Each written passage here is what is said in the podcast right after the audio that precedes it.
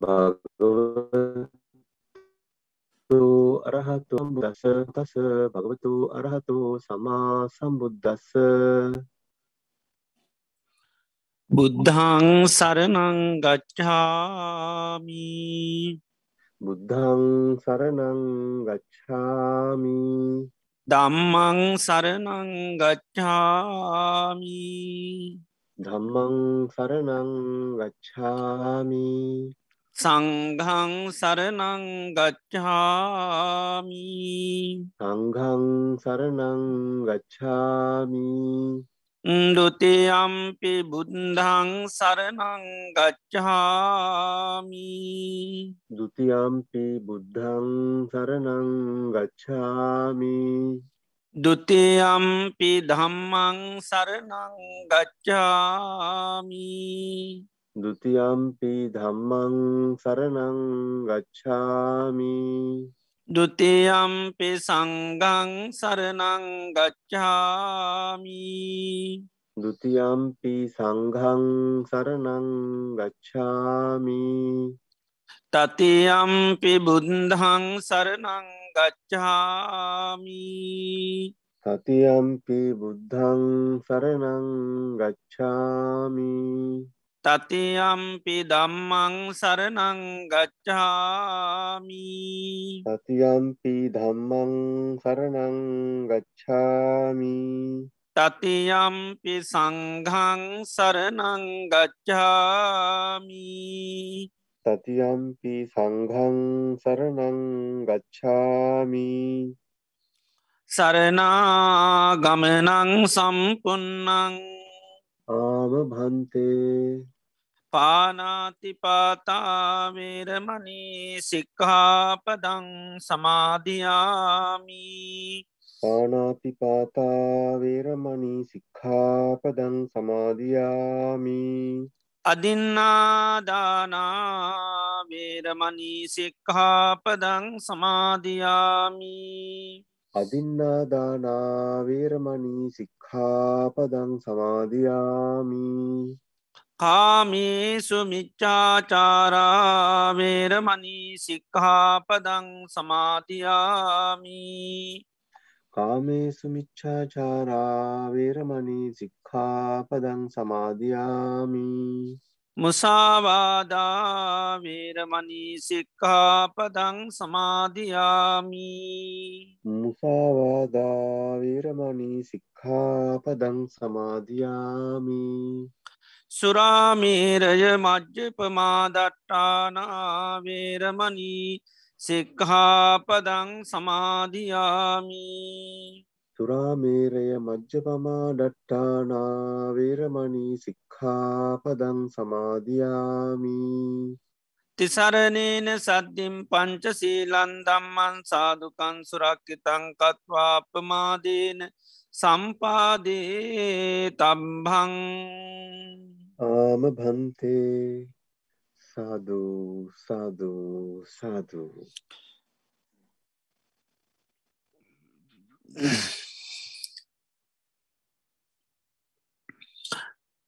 හොඳයි. සියලු දෙනාම තමන් ඉන්න ඉරියව්ව පහසුවෙන් තබාගන්න ඉන්න ඉරියාවට කවුරු සිහ පිහිටුව ගන්න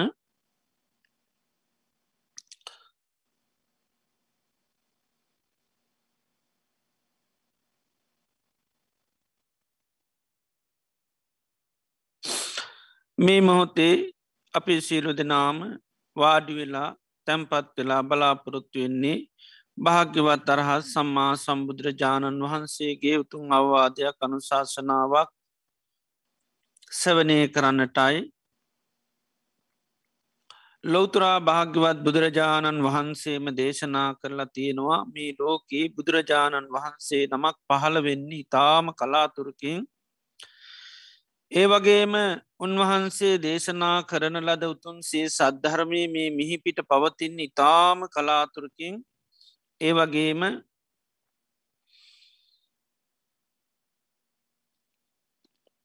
ඒ ධර්මය දේශනා කරන අය පහළවෙන්නේ තාම කලාතුරකින් එවගේ මෙම ධර්මය සවනය කරලා තේරුම් අරගෙන ඊට අනුකූලව කටයුතු කරන අය පහළවෙන්නේ ඉතාමත්ම කලාතුරකින්. මේ ලෝකයේ මේ දුල්ලභ කාරණ අප ජීවිතවලට සම්මක වෙලා තියෙනවා. භාග්‍යවත් තරහ සම්මා සම්බුදුරජාණන් වහන්සේ මේ ලෝකයට පහළ වෙලා උන්වහන්සේ දේශනා කරන ලදුතුන්සේ සද්ධර්මය මේ මී පිට පවතින වෙලාවක අපි මනුෂ්‍ය ජීවිතයක් ලබල උතුන් කල්්‍යයාන මිත්‍ර ඇසුර තුළින් එම ධර්මය ශවනය කරලා තේරුම් අරගෙන ඊට අනුකූලව කටයුතු කරන්නටත් අපිට භාග්‍ය වාසනා උදා වෙලා තියෙනවා. අපේ ජීවිතවලට මේ ලැබිල තියෙන මේ උතුන් අවස්ථාව මේ දුල්ලබ මොහොත මේ උතුම් ප්‍රතිලාබය අපිට තව කොතෙක් කාලයක් පවත්වන්න පුළුවන්ද කියන කාරණය අපි කාටුවත් කියන්නට පුළුවන්කමක් නෑ. හේතු අපේ ජීවිතය කියන්නේ හරිමතාව කාලිකයි.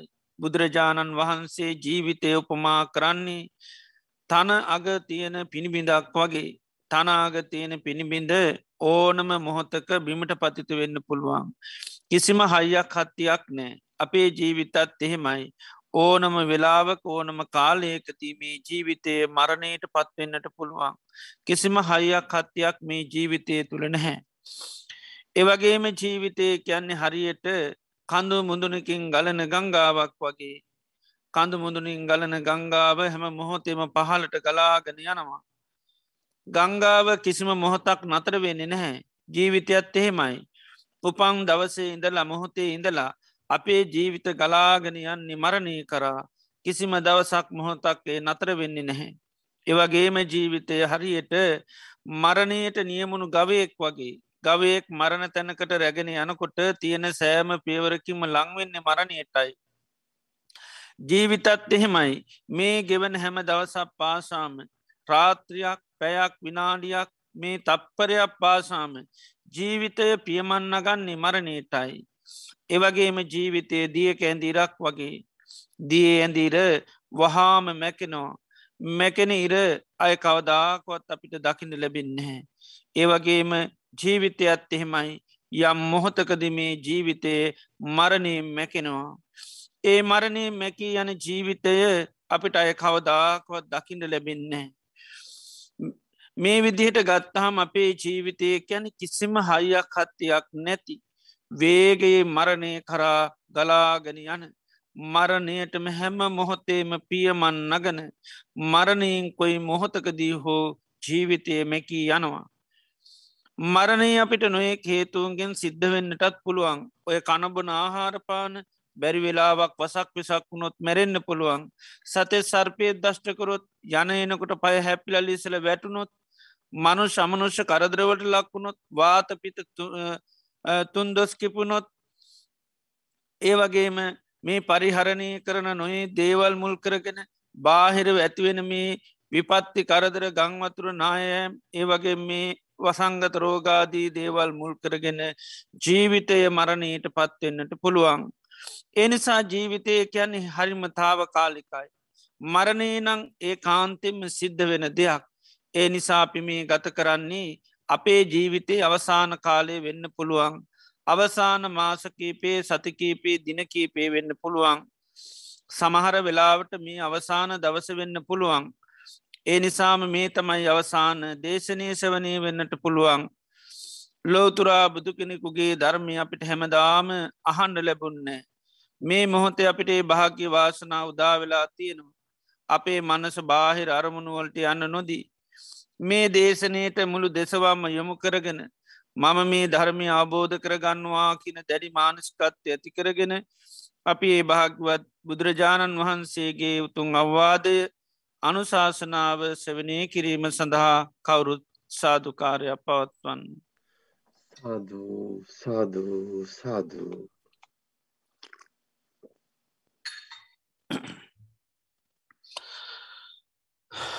නමෝ තස්ස භගවතු වරහතු සම්මා සම්බුද්ධස්ස නමෝතස්ස භගවතු වරහතු සම්මා සම්බුද්දස්ස. නමෝතස්ස භගවතු වරහතු සම්මා සම්බුද්දස්ස.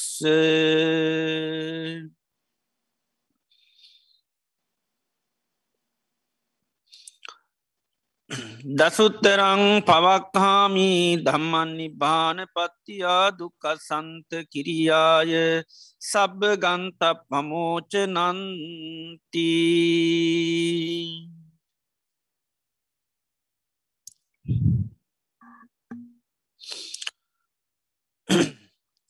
ශ්‍රද්ධාවන්ත කාරුණක පින්නතුනි අදත් අපි සන්ධ්‍යායාමි භාගවත් බුදුරජාණන් වහන්සේ අපේ ජීවිත සුවපත් කරන්ට දේශනා කරපු ඒ උතුම් වටිනා ධර්මය සවනය කරන මොහොතයි.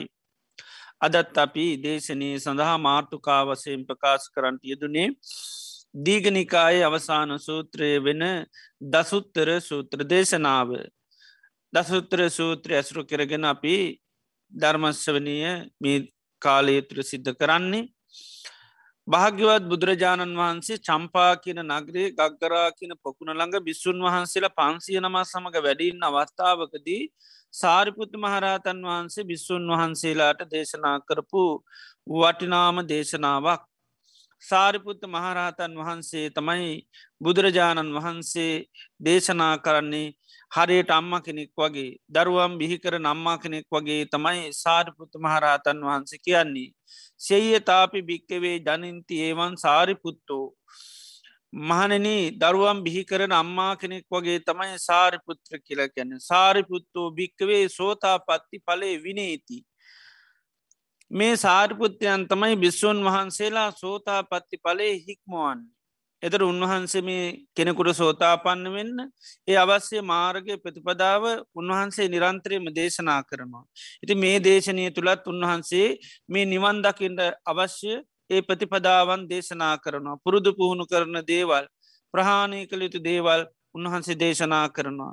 එතර උන්වහන්සේ භාගතුන් වහන්සේම දේශනා කරන්නේ එකයි සාර්පෘත මහරහතන් වහන්සේ තමයි අම්ම කෙනෙක් වගේ අර දරුවන්ට අවශ්‍ය හැමදේ මම්ම කෙනෙක් හොයල බල්ල දෙනවා වගේ අවශ්‍ය දේ හොයලා දෙනවා වගේ අවශ්‍ය උපදේශන් ලබා දෙනවා වගේ උන්වහන්සේ සෝතාපන්න වෙන්න හැම පැතිකඩක්ම උන්වහන්සේ දේශනා කරනවා. එනිසා ගොඩා සූත්‍ර දේශනා උන්වහන්සේ දේශනා කළ තියෙනවා.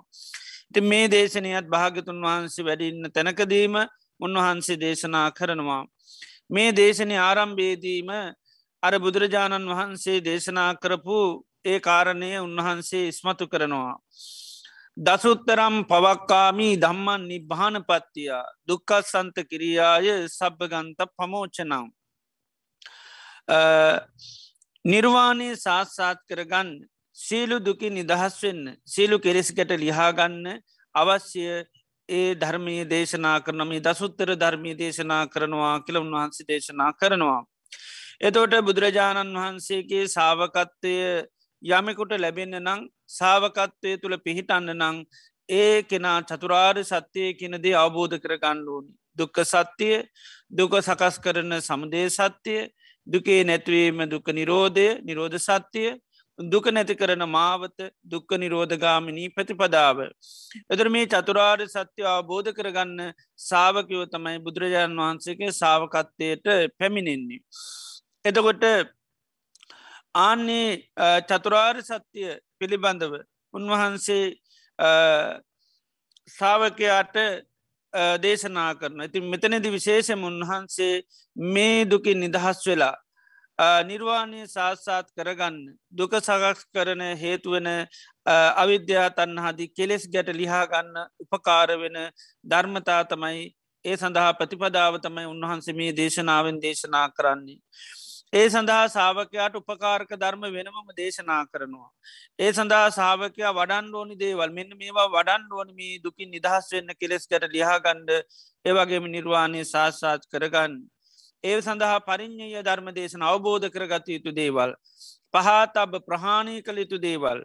ඒ වගේම හාන භාගිය ධර්ම පිරිහීම පිණිස හේතුවෙන දේවල්. නිවම්මගින් බැහැර වෙනවා ඒ ධර්මතාවයන් තුළින් ඒවගේම විශේෂ භාගේ ධර්මතාතු වෙනන ඉක්මනින්ම යාට නිර්වාණය අවබෝධය කරා යන්න පුළුවන්. ඒවගේම දුප්පටි විජ්ජ ධර්ම දුකසේ අවබෝධ කරගත යුතු ධර්මතා. ඒවගේම ඒ සඳහා උපදවාගත යුතු ධර්ම.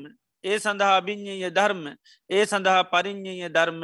උන්වහන්සේ දේශනා කරනොමී දේශනය තුළින්. එතර මාර්ථකා දහයක් ඔස්සේ සාාවකයාගේ ඒ අභිමතාර්ථය සීලුදුකින් නිදහස් වෙලා කෙලෙස් ගැට ලිහාගෙන නිර්වාණය සාස්සාත් කරගන්න ඒ අවශ්‍ය ධර්මතා උන්වහන්සේ මේ දේශනය තුළ දේශනා කරනවා. පන්සේ පණහක්ම ධර්ම කරුණු දේශනා කරනවා මාර්තුකා දහයක් ඔස්සේ. එතට මේ වෙනකොට අපි ධර්ම කරුණු එකසිය පණහක්ම කෙනගෙන තියෙනවා ධර්ම කාරණයකේවා දහයත් දෙකේවා විස්සත් වනේ වතිහක් හතරේව හතලියක් පහේව පණහක් මේ වෙනකොට එකසිය පණහක්ම ධර්ම කරුණු ඉගෙනගෙන තියෙනවා මේ දිනවල අපි සවනය කරන්නේ හයේ කාරණා ධර්ම කරුණු හය එතට මේ හයේ කාරණත් උන්වහන්සාර මාර්ථකා දහය ඔස්සේ දේශනා කරනවා. උපකා චතුරාර් සත්‍ය නැත්තං නිර්වාණය සාස්සාත් කරන්න. ඒවගේම දුකින් නිදහස් වෙන්න කෙරෙස් ගැට ලිහාගන්න උපකාරක ධර්ම හයත් දේශනා කරනවා. ඒ සඳහා වඩන් ඕනි භාවේ තබ ගැන දියුණු කරන්න ඕනි වඩන්න ඕනි ධර්ම හයත් දේශනා කරනවා. පරිින්්ඥය කියන්නේ අවබෝධ කරගත යුතු ධර්ම හයත් දේශනා කරනවා. පහතබ්බ දම්ම ප්‍රහාණය කළ යුතු ධර්ම තාත් හයත් දේශනා කරනවා. ඒ වගේම හාන භාගිය ධර්ම හයත් දේශනා කරනවා. විශේෂ භාගී විසේ දියුණුව කරා යන ධර්මතා හයත් දේශනා කරනවා. දුප්පටි විජ්ජ අපහසුවෙන් අවබෝධ කරගත යුතු ධර්ම හයත් දේශනා කරනවා. ඒවගේ උපාදේ තබ උපදවාගත යුතු ධර්මකාරණ හයත් දේශනා කරනවා. ඒවගේ අභිං්ඥය විශේෂ ඥානයෙන් අවබෝධ කරගත යුතු ධර්මකාරණ හයත් දේශනා කරනවා. සච්චිකා තබ ගැන තමා තුළ පත්තශ කරගත යුතු ධර්ම කරුණු හයක් උන්වහන්සේ දේශනා කරනවා. මේ විදියට ධර්ම කරුණු හැටක් මේ හයේ කාරණ ඔස්සේ උන්වහන්සේ දේශනා කරනවා. ඒ හැටම ගැන උන්වහන්සේ දේශනා කරනවා භූතා මේ හැටම කරුණු විද්‍යමානයවා. ඒවගේම තච්චා ගැනීමව සත්‍යයයි. ඒවගේම තතා කැන මේවා එසේමයි. මෙව කාටුවත් වෙනස් කරන්න බෑ තතා අවි තතා කියන්නේ වෙනස් දේවල් ඉදිරිපත් කරන්න පුළංකමක් නෑ. වෙනත් කරුණු ආදේශනය කරන්න බෑ අනං්‍ය ඒ වගේ මනං්‍යතා වෙනත් දේවල් ඉදිරිපත් කිරිය කරන්න බැහැ. ඒවගේම සම්මා තතාගතයෙන් අභි සම්බුද්ධා තතාගතයන් වහන්සේ මනාකොට අවබෝධ කරගත්ත ධර්මතා හැටක්. මේ හැටම එතට උන්වහන්සේගේ අවබෝධයක් නෙවේ බුදුරජාණන් වහන්සේගේ අවබෝධය. එතර උන්වහන්සේ ඒ භාගතුන් වහන්සේගේ අවබෝධය තමයි උන්වහන්සේ දේශනා කරන්නේ. එතොට මේ හයේ කාරණ ඔස්ස අපි මේ වෙනකොට චතුරාර් දුකින් නිදහස්වෙන් එහම නැත්තං කෙලෙස් ගැට ලිහාගන්න නිර්වාණය සාත්සාත් කරගන්න උපකාරක ධර්ම හයක් අපි පහුගේ දිනවල සවනය කරය තමයි සාරාණීය ධර්ම. ඒ සාරාණීය ධර්ම තුළින් මේ නිර්වාණය සාත්සාත් කරගන්න කෙලෙස් ගැට ලිහාගන්න දුකින් නිදහස් වෙන්න උපකාර කර ගණ්ඩ පුරං උපකාර ලබා ගන්න පුළුවන්.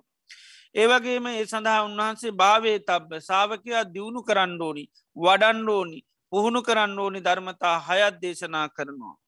ඒ ධර්මතා හය තමයි අනුස්සතිටානානි අනුස්සති කරුණු හයත් තියෙනවා. ඒ තමයි බුද්ධානුස්සති ධම්මානුස්සති සංඝානුස්සති සීලානුස්සති චාගානුස්සති දේවතානුස්සති. මෙන්න මේ අනුස්සති භාවනා හය සාාවකයා දියුණු කරන්න ඕනි. ආන්නේ අනුස්සති භාවනා හය කන කෙනෙ දියුණු කරනවා නං එයාට පුළුවන් අන්න අර දුකින් නිදහස් වෙන්න කෙලෙස් ගැට ලිහාගන්න නිර්වාණය කෙනෙක සාත්සාත් කරගන්න පුළුවන් මෙන්න මේ ධර්ම කරුණු හය කෙනෙක් වඩනවාන බුද්ධානුස්සතිය වඩනවානං දම්මානුස්සතිය වඩනවානං සංඝානුස්සතිය වඩනවානං සීලානුස්සති වඩනවානං චාගානුස්සති වඩනවානන් දේවතානුස්සති වඩනවානං එයාට දුකින් නිදහස්වීම හැකියාව තියෙනවා. දුක සකස් කරලා දෙන මේ කෙලෙස් ගැට ලිහා ගැනීම හැකියාව තියෙනවා. ඒවගේම නිර්වාණය සාත්සාත් කරගන්න හැකියාව ලැබෙනවා මේ අනුස්සති භාවනාවන් දියුණු කරනවා නම්. එතොට අපි බුද්ධානුස්සතිය ගැන දම්මානුස්සතිය ගැන පසුගිය දේශනා තුළ සවනය කරා. එතොට අද දිනේදී තියෙනෙමේ සංගානුස්සති භාවනාව. එතුර අපි මුල් මේ අනුස්සති කියලා කියන්නේ නැවත නැවත සිහි කරනවා කියන එකයි. බුදුරජාණන් වහන්සේගේ ගුණ නැවත නැවත සීකරනවා නම් ඒකට තමයි බුද්ධානුස්සති කියල කියන්නේ. ධර්මරත්නය ගුණ නැවත නැවත සහි කරනවා නම් ඒකට කියනවා දම්මා නුස්සති. ඒ වගේම සංගහාගේ ගුණ සීකිරීමට තමයි සංගහ නුස්සති කියලා කියන්නේ. ඊළඟට තමාගේ පරිත්‍යයාග ගුණේ ගැනති සීකරන එකටකින චාගනුස්සති. තමාගේ සීලයගුණේ ගැන සීකරනෝන එකටකින සීලානුස්සති. තමන් දියුණු කරන සද්ධහා සීල සුත තියාග ප්‍රඥා කියන. මෙන්න මේ කරුණු පහ දෙවියන් එක්ක සසඳලා සිහිකරන එකට කියනවා දේවතා නුස්සතිය කියලා. එතට අනුස්සති කියලා කියන්නේ නැවත නැවත එකම දේ සිහි කරනවා. බුදුරජාණන් වහන්සේගේ ගුණ නැවත නැවත සහි කරනවා නම් එකට තම අපි බුද්ධානුස්සති කියන්නේ. එතොට ඒ බුද්ධානුස්සති වන්නකට සාරිපුත්තු මහරතන් වහන්සේ දේශනා කරනවා බුද්ධානුස්සතිය වඩනවනං එයාට පුළුවන් දුකින් නිදහස්වෙන්ඩ. කෙලෙස් ගැට ලිහා ගන්න නිර්වාණය සාසාත් කරගන්න. ඉතින් බුදුරජාණන් වහන්සේ බුද්ධානුසතිය වඩන මොහොතේ සාාවකයාට ඇතිවෙන ප්‍රතිඵලය පෙන්න්නනවා. න රාග පරියුට්ට තන් චිත්තං හෝති. රාගයෙන් සිත යට වෙන්නේ නෑ න දේශ පරියුට්ටි තන් දේශයෙන් හිත යට වෙන නෑ. න මෝහ පරියුට්ටිතං මෝහෙන් හිත යටවෙන්නේ නෑ බුදුරජාණන් වහන්සේගේ ගුණ සිහි කරනවා නම්. මොකද බුදුරජාණන් වහන්සේගේ ගුණ තුල තියෙන මනවාද ධර්මය තියෙන නිවම් මග තියෙන ඒවා සිහි කරනකොට සාාවකයාට හිතරාගෙන් දේශයෙන් මෝහින්ත පෙළෙන්නේ නෑ. ඒ වෙලාට උජුකතාස්ස එයාගේ හිත බොහෝම ඉරජු වෙනවා. බොහොම බලසම්පන්න ප්‍රබල හිතක් බවට වෙලා පත්වෙනවා. ඒ හිතේ කිසිම දුක් ගම්කොටලු පීඩා අසහනකාරී මානසික ස්වභාවයක් නෑ. ඉතාමත්ම ප්‍රබල සිතක්. ඒ නිසා තමයි ඒ සුත තුළ ඇතිවෙනවා පොමිදිතදාවේ ප්‍රීති ඇති වෙලා සමාධිය කරා හිත ගෙනියන්න මේ බුද්ධානුෂති ඇතිවෙන ති දම් සමාධයක් ඇති කරගන්න කෙනෙකුට පුළුවන් ඒ තුළ ඉඳගෙන විපශ්ෂනා වඩලා නිර්වාණය සාත්සාත් කරන්න. ඉති ඒ නිසා තමයි මේ නිර්වාණය සාත්සාත් කරන්න දුකින් නිදහස්සන කෙලෙස් කැට ලිහාගන්න භාවේ තබ්බ ධර්මතමයි මේ අනුස්සති භාවනා. එතොට ඒවා අපි දියුණු කරන්න ඕනි. හැම මොහොතේම දියුණු කරන්න ඕනි වඩන් ඕනි කියනකයි ඒනි සතමයි නැවත නැවත සිහි කරන්න කියලා කියන්න. එතොට ඒ නැවත නැවත සිහිකිරීම අපිට ඉරියව් හතරේම කරන්න පුළුවන් කියලා මේ පසුගේ දේශරුන් ජපි සවනය කරා. බුදුරන් වහන්සේම කියනවා මේක යනකොටත් පුළුවන් කියනවා. ඉඳගෙන ඉන්න කොටත් පුළුවන්කින හිටකර ඉන්න කොටත් පුළුවන් කියනවා. ඒවගේම නිදාගෙන ඉන්න කොටත් පුළුවන් කියන බුද්ධානු සිති දම්මානු සිති වඩන්න. ඒවගේ උන්වහන්සේ දේශනා කරනවා කම්මන්තාපි අදට කර්මාන්ත කරනකොට වැඩපල කරනකොටත් පුළුවන් කියනවා මේ බුද්ධානු සිති දම්මානු සිති වඩන්න සංගානු සිති ආදීම අනුසති භාවනා වඩන්. ඒවගේම දරුවන් එක කටයුතු කරන දරුවන්ගේ කටයුතු සිද්ධ කරලා දෙනකොට ඒවා ඔස්සේ පුළුවන් කියෙන බුද්ධානු සති දම්මානුස සංගානු සති සී කරන්න. ඉති එනිසා ජීවිතේ ඕනම අවස්ථාවකදී මේ බුද්ධානුසති ධම්මානුසි සංගානුසති සී කරන ඒසහි කිරීම තුළ සාාවකයාගේ මේ මෝතේ හටගන්න දුක දොම්නස පීඩන නැති කරගන්න හැකියාව ලැබෙනවා. අපි පෞගේ දින එකත් මතක් කර අර සීවලී ස්වාමීන් වහන්සගේ අම්ම අවුරුදු හතයි මාස හතයි දවස් සතක් දරුවෙක් කුසේතියාන අප්‍රමාණ දුකක් වින්ද. දවස් සතත් දරුව හිර වුණා. ඒ හැම මොහොතේම බුදුරජාණන් වහන්සේගේ ගුණසහි කරල තමයි අර දුක නැති කරගත් ඒවලට බුද්ධානුස්සතිය වඩන්න. ඉති ගොඩාක් සහි කරන්න බැරිහින්ද බොහොම කෙටියෙන් සහි කරනවා. සුසුකංවත නිබ්බානං අනේ නිවන සමයි සැප නිවන් දැක්කනම් මේ වගේ දුකට පත්වෙන්නේ නෑ මේ තන්නහාව නිසාතමයි මේ දුක තියෙන්නේ. තන්නහාවෙන් තොරුණානම් මේ වගේ දුක කටගන්නේ නැහැ. තන්නහාව නිසා හටගත්ත දෙයක් මේ දුක. සුසුකංවත නිබ්බානං සම්මා සම්බුද්ධූ භගවා ඒ කාන්තයෙන් බුදුරජාණන් වහන්සේ නම් සම්මා සම්බුද්ධයි. උන්වහන්සේ මේ දුකින් නිදහස් වුනා මේ දුකින් නිදහස් වෙන ක්‍රමය අපිට කියල දුන්නා. උන්වහන්ස අබෝධ කරගත්තා ඇයි මේ අපි දුක්විනින්නේ එනිසා උන්වහන්සේ චතුරාර් සත්‍යය කාගෙන්වත් උපදේශයකින් තොරු අවබෝධ කරගත්තා සම්මා සම්බුද්ධූ භගවා. ස්වාක්කාතුව භගවතා දම්මු භාගිතුන් වහන්සේගේ ධර්මය තුළ මෙන්න මේ දුකින් නිදහස් වෙන්න පුළුවන් කියල කියනවා. මේ ජීවිතය මේ අත්දකිට පුළුවන්. තමන්ට මේ දේ පත්්‍යච කරගන්න පුළුවන් කියලා ඒ ධර්මය තුළ කියනවා දුකින් නිදහස් වෙන්න පුළන් කියලා එහෙනම් ඒ ධර්මය ස්වාක්කාතයි ඒ කියපු දුක දැම්මට අත්තිනිට ලැබෙනවා එනිසා බුදුරජාණන් වහන්සේගේ ධර්මය ස්වාක්කාතයි. සුපටි පන්නෝ භගවතෝ සාවක සංගෝ. තතාගත සාවක සංගය මෙන්න මේ දුකින් නිදහස් වෙන්න මේ දුක හදල දෙන කෙරෙසුන්ගේ නිදහස් වෙන්ට තමයි ශාසනයට ප්‍රවිශන එනිසා සුපටි පන්නෝ භගවතෝ සාවක සංගෝ.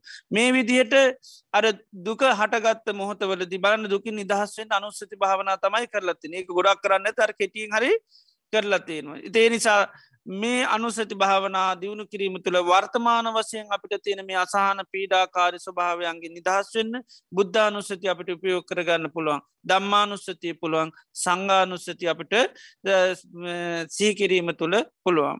එතොට අද අපි සවනය කරන්න බලාපොරොත්තුවෙන්නේ සංගානුස්සති භාවනාව.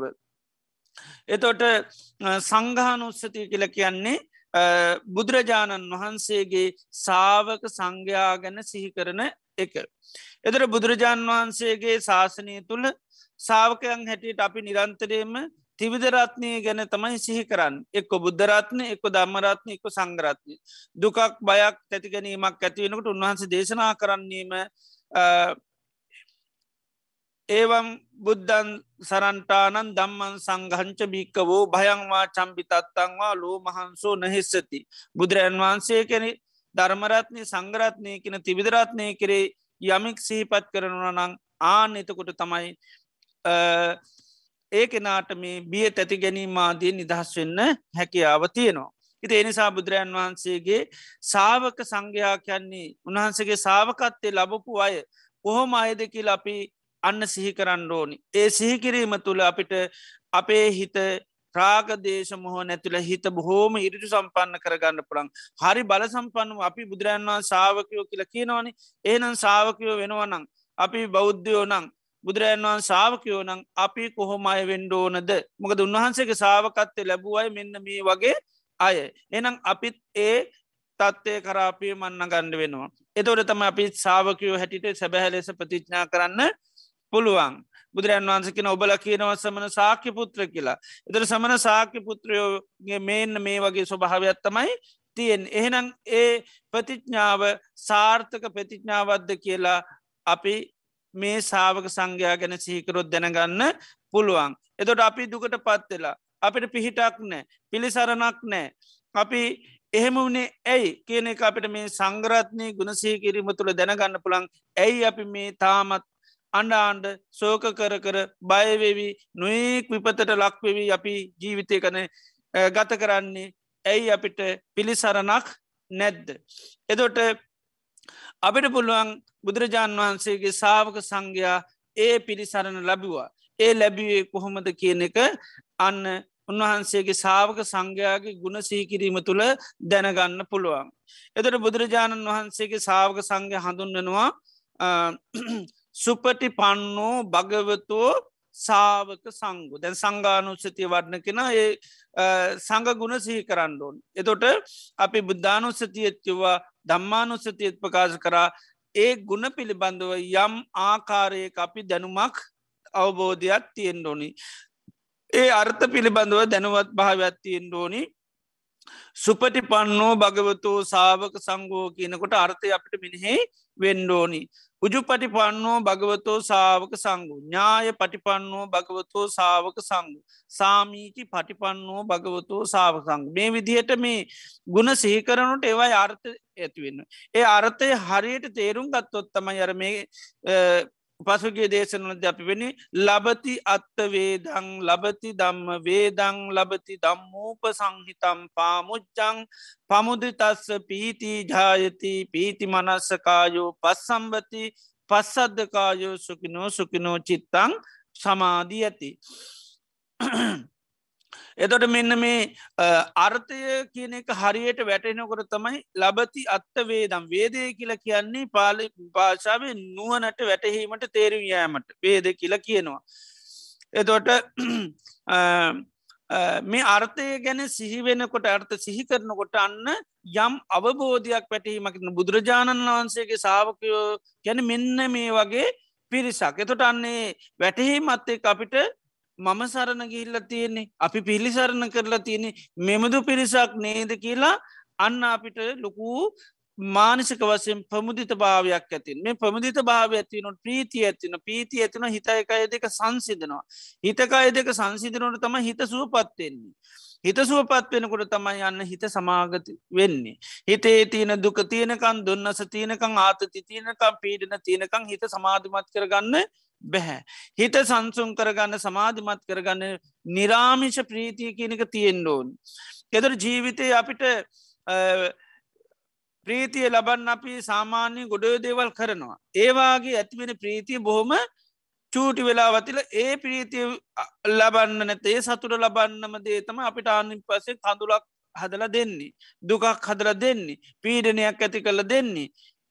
ඒ දේ නිසා හිනහවුනේ එකවතාවයි සමල්ලට අඩන්නේ දහස්වතාවක්.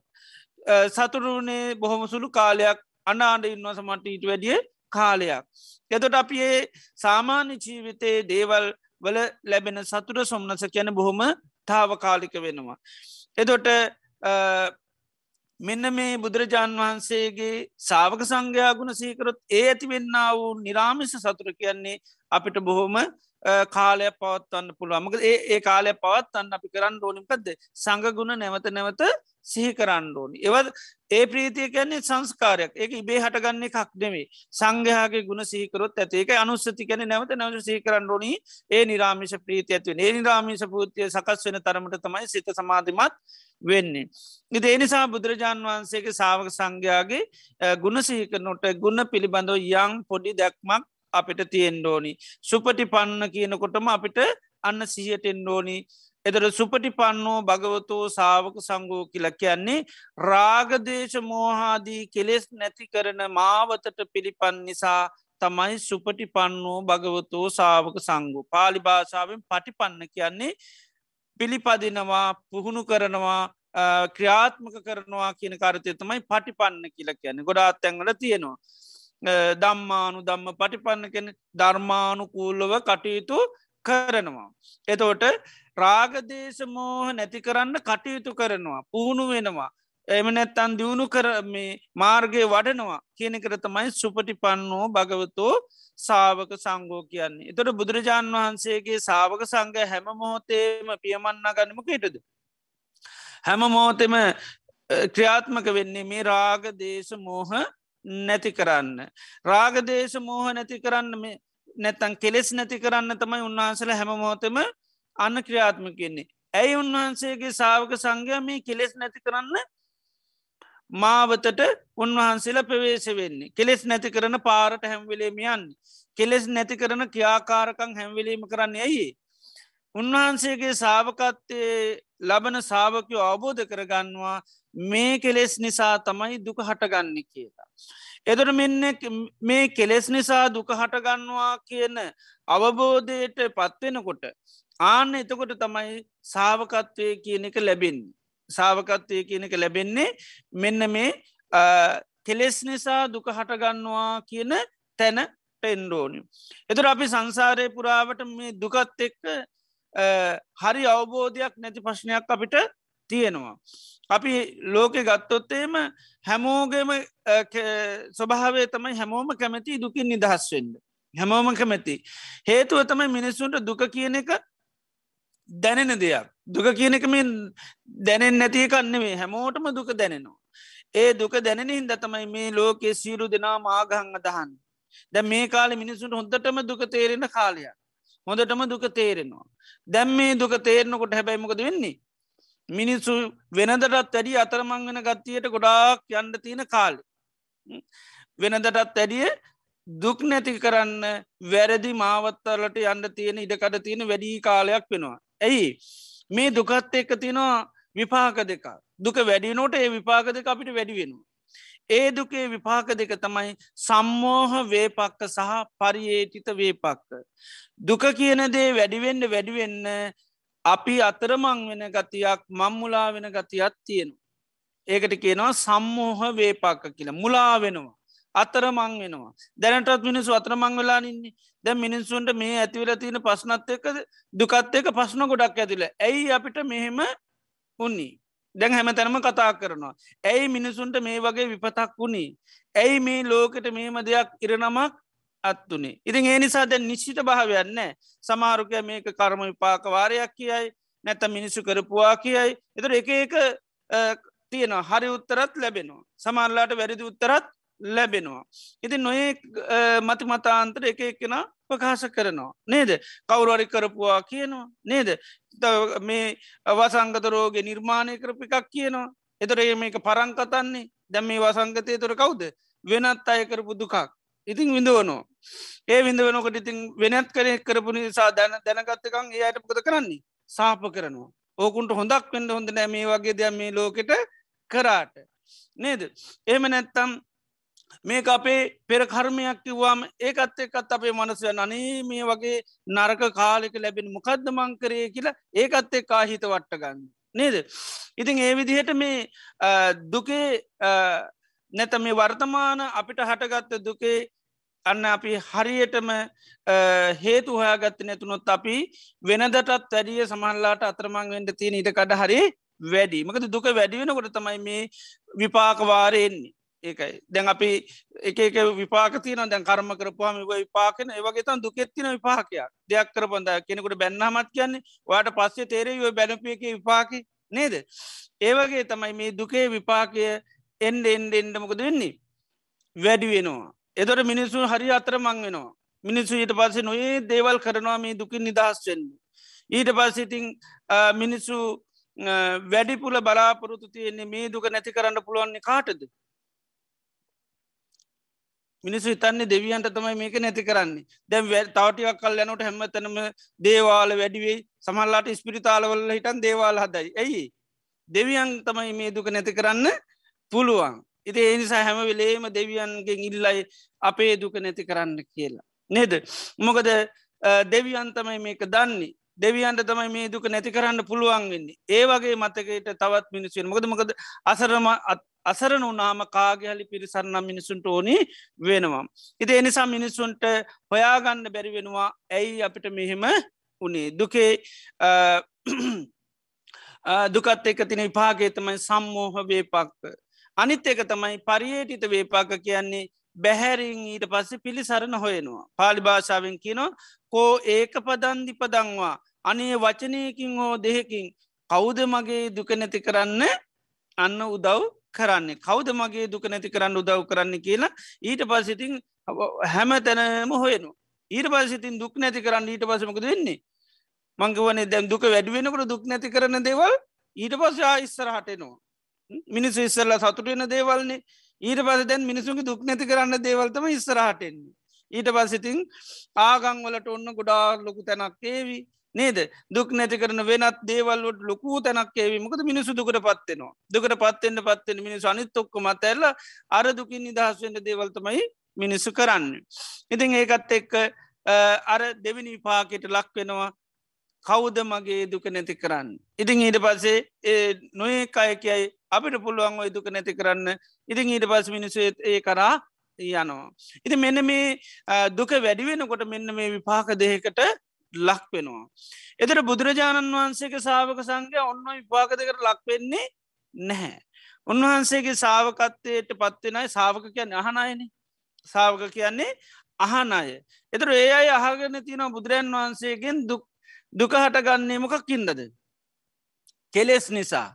ආන්නේ නිසා කෙලෙස් නිසා දුක හටගත්තා කියලා අහගෙන අවබෝධ කරගත්ත සාාවක පිරිසක් නිසා ඒ අය ආන්නේ කෙලෙස් නැති කරන්න තමයි හැම මොහොතේම ක්‍රියාත්මක වෙන්නේ. ඒ දන්න මේ ලෝකට මේ අර්බුද ඇතිවෙලා තියෙන්නේ. එම නැතන් තමන් මේ පුද්ජලිකම අර්බුදයට වැටල තියෙන තමන්ගේ හිතේ හටගෙන තියෙන කෙලෙස් නිසා. ඒකයි. බාහිරෝය හැම විපතක්ම අපිට දුකක් වෙන්නේ අපේ කෙලෙස් තිබුණොත් විතරයි. මකද මේ බාහිරව ඇතිවෙලා තියෙන දුක කියන දේ සංස්කාර ස්වභාවයක්. දුක කියන්නේ බුදුරන් වහන්සේ සංකාරයක් හැටිටයි දේශනා කරන්නේ. දුක කියන සකස්වීමක්. ඒකන අපි දැන් මේ වර්තමානය දුකත් අපි හැම්වෙලෙන් විඳින් නෑන සමල්ලාට අපි මොනවාරි සතුට වෙනනකට ගානක්වත් නෑ. ආය පස්න කතා කරනු ටයි දුක තියනවා. නේද? නිදාගන්නකට ඒත්නෑ ඇහැරුණම් අය පස්න තියන කෝල්කරොත් අය පස්න තියෙන ප්‍රෘත්ති බැරුවත් අය පස්න තියෙනවා. නේද? අය සිින්දුහනකට අයනෑ නේද? අය කාල බීල මොනවරි මන විනෝද වෙන දෙයක්කනොට ආයනෑ නේද? එතට හැමමයොත්තෙම දුක කියන එක නෑ. එනම් දුක තියෙනෙකුයි වෙලේද? හිතන විලාවල්වලට කල්පනා කරන වෙලාවලට මනසිකාර කරන වෙලාවලට. ඒ වෙලාවට තින මිසක හැම්වෙලේම දුක කියන එක නැතර දුක සකස් වෙන දෙයක්. හැබැයි ඒ දුක හටගත්තට පස්සේ මට ඇති වුණයි කියලතමයි ගන්නේ. මගේ දෙයක් හැටිට අපි කල්ල ගන්නවා. විඳවනකොට අපිතන වේදනාව මගේ දෙයක්. වේදනා අත්තතෝ සමනු පස තමාගේ දෙයක් හැටිටයි දකින්නේ. වේදනාව සංස්කාරයක් හැටිට අන්න දකින්නේ නැහැ. එදර බුදුරජාණන් වහන්සේගේ ධර්මීතුවර ඒ සාාවකත්වයට පත්තිච්ච ඒ අවබෝධ කරගන්න. වේදනාව කියන්න මකදද වේදනාව කියන්නේ සංස්කාරයක් ඒ සංස්කාරය හටගන්න හේතුවත් දන්නවා ඒ සංස්කාරය හටගන්න හේතුව නැතිකරුත් එම වේදනාවෙන් නිදහස් වෙන්නත් පුළුවන්. එතර මේ වෙලාවේ දුක්වේදනාවක් හටගත්තොත් එයාට පුළුවන් මේ දුක්වේදනාව හටගන්නේ මොකක් හින්දද. අපේ ඥාති මිත්‍රාදීන් ලෙඩ වෙච්ච හින්දද. ඒ අයි මැරිච්චි නිසාද. මොකක් හින්දද. ඕ අපි අයගේ නැතන් ඒ වෙච්චි විපත්ති කරදර මනසිකාර කරොත් මකද පත්සපච්චා වේදනා කියලන කැනෙ ස්පර්ශකොරොත්තමයි වේදනාතියෙන්. එතර ස්පර්ශය කියල කෙන්නේ අපි ඒ අරමුණට වටිනාකන් දුන්නොත්තෙම. ඒ අරමුණට වටනාකම දුන්නහම එමනැත්ත අරමුණ නිත්‍ය සුකාත්ම වසයෙන් ගත්තොත් තමයි අපි ඒක මුල් කරගෙන විඳවන්නේ. දාපිකිමු මේ මෝතේ කවුර රහත්තල ඉන්න කෙනෙකින්නන එයාගේ අද දිනේදී වසංගත රෝගය නිසා මතාත්ත මැරෙනවා. දැන් ඒ රහත් වෙච්චි කෙනා විඳවයිද? අඩයිද එතුට එයාට එයාගේ අමතාත්ත තර රෝගය නිසා මැරෙනවා නේද? දැ යාට ප්‍රශ්නයක් නැහැ. උන්වහන්සට ප්‍රශ්නයක් නෑ මොකද? උන්වහන්සේ මේ ලෝකෙ දේවල්වලට වටනාකන් දෙන්නේ නෑ අම්මා තාත්ත කියන්නේ වටනාකන් දෙන්නේ නැහැ අපි දෙන විදිහට. නිත්‍ය වසයෙන් දකින්නෙත් නෑ ආත්මෝසයෙන් දකින්නෙත් නෑ උන්වහන්ස දකින සංස්කාරයක්. කොයි වෙලේ මේ සංස්කාරය නිරුද්ධ වෙලා ඉදන්නේ නෑ මේක සකස්්‍යචි දෙයක්. එතොට ඒක පහන හරියට උන්වහන්සට පේනෙ කවරු වගේද? අම්ම තාත්ත සහෝදරෝ ඥාතිමිත්‍රයෝ ලෝකවාසයෙන් පේන නිකං දහසක් පහන් සිලවල්ටිකත් තියෙනවා වගේ.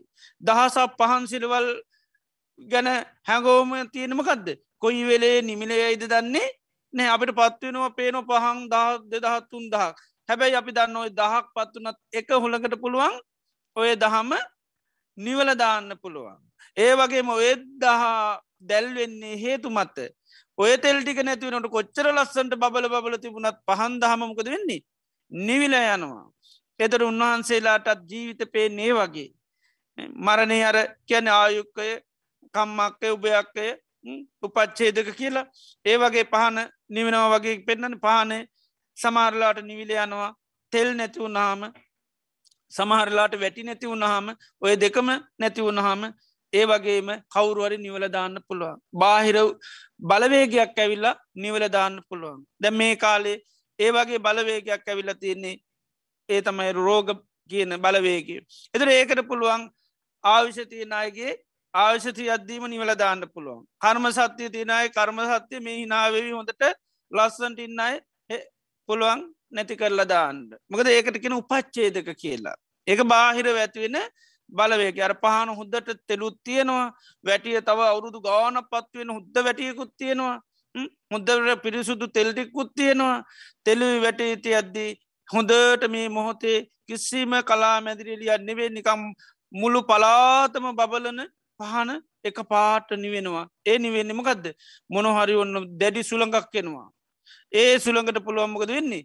අර ආලෝකමත් වෙලා තින පහන සිල නිවල දාන්න අන්නේ බලවේකයට පුළුවන්. එතට ජීවිත එතට එහෙම වෙන්නේ ඇයි? පහන්සිල කියන්නේ සකස්වීමක්. ඒක මේ තියෙන දෙයක් නිත්‍ය ධර්මයන්නේ වේ තවත් හේතුමත ක්‍රියාත්මක වීම සකස්වීමක් ආන්නේ ක්‍රියාත්මක වීම හේතු නැතිවීමත් ඒකමකද වෙන්නේ? නැතිවෙලා යන ජීවිතෙත්තේ වගේ. පහනක සිලක් වගේ. රහතන් වහන්සිට පෙන්නේ විදිහ තිේ නිසා නිවුණොත්තේ උන්වහන්සල අඩන්ඩයන්නේ දැම් පහන නිවුණොත්තේ අපි අඩානින්නවාද ඇයි අනේ මේ පහන නිවුණේ එතොට අපිට පේන පුළම් වැටි නෑ. එම නැත්තන් තෙල් නෑ. ඒ දෙකමති අද්දි නිවිල. එතකොට අපි දන්න ඒ දෙකමති අද්දි නිවුණ නම් ඒකට මොනොහරි බාහිර බලවේගයක් ඇවිල්ලා. බයහිර බලවේගයක් මත නැති වෙනවා. එතොට ඒ පහන නිවුණෝ ගැන්න අඩ ආඩ කල්පනා කර කරින් නෑමකද පහන කියන්නේ තවත් හේතු මත සකස්වීමක් ඒක ඕන වෙලාවක නිවිල යන්න පුළුවන්. ජීවිතත් රහතන් වහන්සේට පේන්නේ එකයි. තෙතර උන්වහන්සට දුක්විදින්නේ නැහැ. එතට උන්වහන්සේල දුක්විදින්න ඇතෙහි උන්වහන්සේලන්න මේ යථා ස්වභාවය අවබෝධ කරගෙන තියෙන්නේ. ඉති එනිසා තමයි උන්වහන්සේලාට වේදනාව කියනක අන්න දුක්වේදනා මානසික පීඩනය අසාහනය කියනක ඇතිවෙන්න මොකද උන්වහන්සර මේ ලෝකයේ දේවල්ලොට අපි වගේ වටනාකන් දෙන්නේ නෑ දැල්වෙන පහනට අපි වැරදිලාවත් හැමදාම තියෙන පහනක් ඇටිට ගත්තොත් අපිට විඳවන්න වෙනවා. පහන නිවෙනවා කියන සංඥාවතිරින්ද අපට පහන් නිවුණ කියල කිසි ගැටලුවක් නෑ පත්තු කරනකට නිවෙනවා. එතොට අපිගෙන හද හුළඟ වැඩීනි නේද? ඉති හුළඟ වැඩිනම් මොකද වෙන්නේ? අපි දන්න ඔන්නේ වෙනවා ඒනම් මේ දවස්සල කට්ටිය මැරෙනවා වැඩියයි රෝගේ ආන රෝග නෙමැති සැඩ සුලන්තියන ඒකට ඉතින් කොයි වෙලේ කවරු හවවෙලා යයි දන්නේ? නැහැ. එව බුදුරජාන් වන්ස පෙදන්නේ මේ ලෝකෙ තියෙන බලවේග හැටියට. ඒවා ක්‍රාත්මක වෙනකොට මිනිස්සුන්ට කිසි බලයක් නැහැ. ඒ බලවේග හැමදාම ලෝකි තියෙනවා. ඒවාට මිනිස්සුන්ට අනිවාරයෙන් යට වෙන්න සිද්ධ වෙනවා. ඉතින් එනිසා ධර්මය තුළින් එතොට බුදුරජාණන් වන් සාාවකයෝ හරියටම මේ හේතු අවබෝධ කරගත්තොත් ඒ අයට පුළුවන්කම ලැබෙනවා මේ දුක කියන දෙයින් නිදහස් වෙන්න. ඉති එනිසා බුදුරජන් වහන්සේගේ සාාවකත්වයට අපි පැමිණෙන්ද නං අපි හරියටම මේ දුක් විඳින්න හේතුව විශේෂෙන් දුක කියන්න මොකක්ද වගේම දුක හටගන්න හේතුව පිළිබඳවත් අපි හරියට අවබෝධයක් තියෙන්ඩෝනි. ඊට පස්සේ ඒ දුක හටගන්න හේතුව නැති කරන්න තමයි අන්න ක්‍රියාත්මක වෙන්නේ. දැම් බුදුරජාණන් වහන්සේගේ වචනීම තින රූපස්ස නිබ්බිදායි විරාගාය නිරෝධාය පටිපන්නා තේ සුපටිපන්නා කියලා. රූපය පිළිබඳුව නිබ්බිදාය කැනෙ කලකිරීම පිරිස විරාගාය නොවැලීම පිරිස නිරෝධාය ඇල්ම දුරුකිරීම පිණිස පිළිපන්නානං ඒ අයට කියන කවුද සුපටිපන්න කියලා කියනවා. ඒවගේම වේදනාය නිබ්බිදා විරාගා නිරෝධය පටිපන්නා ඒ අයටකින සුපටිපන්න කියලා. සංඥාව පිළිබඳ නිබ්බිදාය විරාගාය නිරෝධය පටිපන යට සුපටිපන්න කියනවා. ඒලම සංකාරාය නිබ්බිදා විරාගා නිරෝධය පටිපන්නා සුපටිපන්නා. විඤ්ඥානස්ස නිබ්බිදා විරාගා නිරෝධය පටිපන්නා තේ සුපටිපන්න. එතර මොකේද මේ නිබ්බිදා විරාගා නිරෝධය කියලගන්න පංච උපාදානක් කන්දේ රූප වේදනා සංඥා සංකාර විඤ්ඥාන එත මේ පංචුපාදානස් කන්දි ගැනීමකක්ද කෙටි කරලා දුකට කියන නමක්. සංකිත්තේන පංච උපාදානක් කන්දා දුක්කා හකුළුවල කෙටි කරලා එකතු කරලා කියනවන ඔක්කෝම කැටි කරලා එක වචනයක් හැටිට කියනවනම් කෙටියෙන් කියනවනම් මේ උපාදානස්කන්ද පහතමයි දුක කියල කියන්නේ. එදර බුදුරජාණන් වහන්සේගේ සාවක සංඝයා මොකෙන් නිදහස් වෙන්ඩ දෙතෝට දුකින් නිදහස් වෙන්ඩේ එ දුකින් නිදහස් වෙන්න නම් මොකෙද නිදහස් වෙන්ඩෝන් රාගෙන් දේශයෙන් මෝහෙන් කෙලෙසුන්ගෙන් නිදහස් වෙන්ඩෝනි එතොට ඒ කෙලෙස් ඇතිවෙන්න කොහෙද? නැතන් කෙලෙස් පවතින්නේ මොකක් පිළිබඳවද? රාගේ දේශය මෝහ ඇතිවෙන මොකක් මුල් කරගෙනද? රූපේ මුල් කරගෙන වේදනා මුල් කරගෙන සංඥා සංකාරවින් යන උපාදානස්කන්ද එතොට අපි එමන කෙටියෙන් ගත්ත කැමැත්ත තන්නා වාසාාව තියනමකරද දුකට. ආනේ දුකට තියෙන තන්නා වාසාාව නැති කරන්න තමයි හැම මොහොතේම ක්‍රියාත්මක වෙන්නේ. එදොට ඒක ඉන්ද තමයි සුපටි පන්නෝ භගවතෝ සාවක සංගෝ භාගිතුන් වහන්සේගේ සාවක සංඝයා රාගදේශ මෝහ නැති කරන්න. මොක දේ අයි දන්නවා මේ රාගදේශ මෝහ නිසා තමයි දුක හටගන්න. දැන් රූපයක් පවතින හින්දා දුක්විඳනවාම නෙවේ. විඳීම් සකස්වන හින්දා දුක් විඳිනවා නෙවේ. සංඥා හඳුනගන්න අම්මතාත්ත සෞදරෝ ඥාතින්වා කියලම හඳුනගන්න ඉද දුක් විඳිනවා නෙවේ. ඒ වගේම සංස්කාරයන් සකස්වන ඉද දුක් විඳිනවත් නෙවේ. හිත පවතින පිස්සු ඇදිල හිටියනම් ප්‍රශ්නයන්නෑගේ හිතනව සමල්ලට එතට දන්නන කවරුවල මැරණනන් කියල නේද. එතොට දැන් විඤ්ඥානයක් නැතන් දැනගන්න හින්දා දුක් විඳිනවත් නෙවේ දැපිත අනයෝව දැනගන්දේ නැතු හිටියනන් කිසි පස්්නයන්න මේක දැනගත්ත හින්ද තමයි පස්්නය කියලා. නේද දැනගත්තේ හින්දාම පස්්නයක් තියෙනවා නෙවේ දැ රහතන් වහන්සේ නොදැනගෙන ඉන්නවාද රහතන් වහන්සටත් දැනගන්න ලැබෙනවා උන්වහන්සටත් විඤ්ඥානයෙන් දැනගන්නවා. අම්ම මැරුණ තාත්ත මැරුණ සහෝදර මැරුණ ඥාති මැරුණ උන්වහන්සෙත් දැනගන්නවා. හැබැයි දැනගන්න එකත් එක තිනමකක්ද. විජානාතිත් එක්ක පජානාති තියෙනවා. අපිට තියෙන විජානාති විතර දැනගන්නවා විතර දැනගන්නමකක්ද කරුවලේ දැනගන්නේ. නැත්තම් මායාකාරි විඤ්ඥානයෙන් දැනගන්නේ වෙනස් වෙන දේව තියෙනවා කියන දැනගැනීමත් එක්ක. ඒ වැරදි අනෝබෝධයන්තම අපි දැනගන්න. ඉති එනි සතම අපිට අන්න දුක හැතිවෙන්නේ. තැර හතන් වහන්සේලත් දැනගන්නවා. එතොට දැනගන්න හින්දාම දුක් පිඳිනවා නෙවේ දැනගත්ත දේට වටනා කන්දුන්නොත් කැමැත්තත් තිබුණොත් තමයි දුකතියෙන්නේ. එති උන්වහන්සේලා ආනේ කැමැත්ත නැති කල්ල තියෙන හිද තමයි උන්වහන්සේල දුකින් නිදහස්. එතට සෝතාපන්න සකදාගාමි අනාගාමි තත්වයට පත්තච්චය ඒයටත් අර වගේම දුක ඇති වෙනවා. එයටත් දුක කියනක ජීවිතයට සකස් වෙනවා. ඒයටත් අම්ම තාත්තන තුනොත්තේම දුකක් ඇති වෙනවා. හැබැයි අය දන්නවා ඒ දුක හටගත්තේ අම්මතාත්ත නැතුන හින්ද ඥාතින් ලෙඩන හින්ද රට ලෙඩවුණ හින්ද නෙවේ. හිතේ තියෙන අන්න තන්නාව නිසා කෙලෙස් නිසා රාගදේශ මෝහ නිසා. ඒ අය නිතරම බලන්න මේ දුකින් නිදහස් වෙන්න නමකද කරන්න ඕන්. මේ කෙලෙසුන්ගේ නිදහස් වෙන්ඩෝන් ආන එතුර තමයි අය තවදුරටත් අන නිවම් මකට දුක වැඩිවෙන්න වැඩිවෙන්න අතරමං වෙනවා වෙනුවට ඒ අයමකද කරන්න. ඒ අන්න කෙලෙස් නැති කරන්න තව තව තවමද මොකද කෙලෙස් වලින් තමයි අපිට මේ ප්‍රශ්න ඇති කරලා දෙන්නේ. එතොට එය අන්නර රූපවේදනා සංඥා සංකාර විඤ්ඥාන කියන පංචි පාදානස් නැතන් දුකයි කියන සෑම දේකටම තියෙන කැමැත්ත අයින් කරන්න මුකද කරන්නේ. අන්නේ අය මහන්සි ගන්නවා. ඒ සඳහා සීලේ යෙදෙනවා සමාධී යෙදෙනවා ප්‍රඥාව යෙදෙනවා. ඒකයි රාග දේශ මෝහ නැතිකිරීමේ මාවතට පිළිපන්න අයට තමයි සුපටි පන්නෝ භගවතුූ සාවක සංගෝ. එතට මෙන්න මේ චතුරාර් සත්‍යය යම් ප්‍රමාණයකට අවබෝධ වෙන්ඩුව නිතුර තමයි සැබෑ සායවකත්වයට පත්වෙන. මොකද දුක අවබෝධ කරගත්තොත් දුක සමඳය අවබෝධ කරගත්තොත් ඒවගේම දුක නිරෝධය අවබෝධ කරගත්තොත් තමයි අන්න දුක්ක නිරෝධගාමිණි ප්‍රතිපදාවට නැතැන් හේතුව නැති කරන තැනට යන්න. හරියටම හේතුව අවබෝධ කර ගණ්ඩෝඩි. ති අපි දැනගන්න හේතු නැති කරන්න නම් අපි කොච්චරුවන් වහන්සේ ගන්නවා. අපිට දුක හට ගන්නකට හරි හේතුව නෙවෙනි. අපිට හිතෙන්නේ අර බුදුරජාන් වහන්සේ කාලෙ දුක හටගත්තාම මිනිස්සුන්ට තිබුණු දර්ශනය තමයිමකද සයංකතන් දුක්කම් මේක මග කරගත්ත එකක්. නැත්තං කියනවා පුබ්බකත හේතු පෙර කර්ම නිසා තමයි අපි මේ විදියට විඳ වන්නේ එක පෙර කර්ම හැටිට දකිනවා.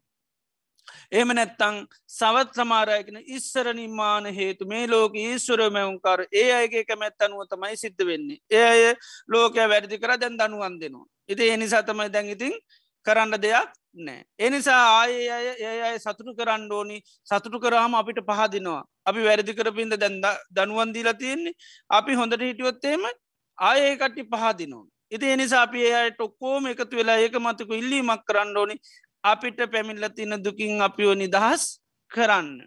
ඉතින් ඒ සමහරය හිතන මේක ඊස්වර නිර්මාණයක් කියලා කියන්න. මේ දුක කියන්නෙත් ඊස්වරයෝ නැත ලෝකයේ මැවුන් කාරයන්ගේ නිර්මාණයක් කියලා. එතට ඒ අයි මවලත් තියෙනවා මවපු අය වැරදි කරා හරිනෑ එනිසා ඒ අයට හැදෙන්න්න දනුවන් දෙනවා. හැබැයි මිනිස්සු හැදන එක නෙවේ කරන්නමකක්ද. මිනිස්සු කරන්නමකක්ද හැදන එක නතර කරලා ඉල්ලන්න පටන් ගන්න අනේ අපි මේකෙන් නිදහස් කරන්න කියලා තව තව තවමකද වෙන්නේ. තව තව පූජාතිය තිය නේද ඉල්ලීම් කරයි දවස ගාන හැදන එක පැත්තකින් තියලා ඉල්ලන එක වැඩි වෙනවා ඊට පස්සේ. ඒත පස්සේ වැඩිපුර ලෝක ඉන්න කවුද. යාචකයෝ පිරිසා යාචකය වැඩ කරන්නේ න යාචකය මොකද කරන්නේ. හැකියාවලුත් තියාන දසතාත් තියාන ඔක්කොමත් තියානමකද කරන්නේ. අනුන්ට අත පානො හැමදා නේද ඒ සමහල්ලාට කැනම උඹලට අත්තයි පයි හයති මොකක්දය කරන වැඩි ඒවගේ තා මිනිසුට්ටිකත් තවටියක් කල් යනකට මොකද වෙන්නේ ඉල්ලනකම ඉල්ලන ප්‍රමාණය හරි වැඩි වෙනවා. ඒක ඉල්ලන ප්‍රමාණි වැඩි වෙනවා. ඉති එනිසා තව තව පූජාතිය තිය සත්කාර කර කර ඉල්ලයි අනේ අපියෝ ගලවලා දාන්න කියලා. ඒක තමයි විසුනුම හැටියට මිනිසුන්ට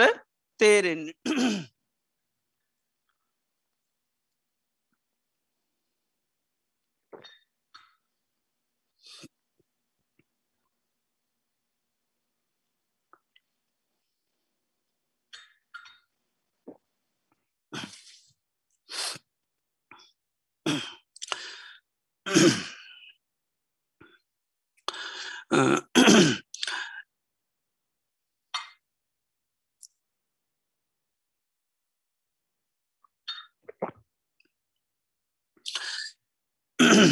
එතට දුකේ හරියටම හේතුව හොයාගත්තේ නැතිවුණොත් අර විදියට මේ දුක කියන්නේ බාහිරුව සකස් වන එකක් හැටිට දැකලා ඒ අය බලන්නේ තොට බාහිරුම ප්‍රශ්න විසඳ ගන්න. එතොට එයට මේ රාගදේශ මෝහ නැති කරන්න ඒ ප්‍රතිපද්‍යාවකට යන්න කිසිසේ අවශ්‍ය වෙන්නේ නෑ. ඉතිේ නිසා බුදුරන් වහන්සේගේ සාාවකත්වයට පැමිණෙන යන්න ඒ අයි අවබෝධ කරගන්න ඕනි මේ දුක තියෙන්නේ කෙලෙස් නිසා. ආන්නේ කෙලෙස් නිසානන් දුකතින ඒ දන්නවා කෙලෙස් නැති කරන්න ඕනි.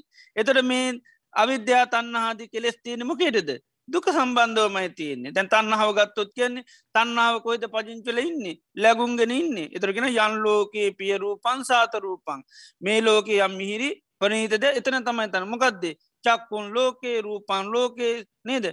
ඇහැ මේ ලෝක හරි ප්‍රියමනාපයි.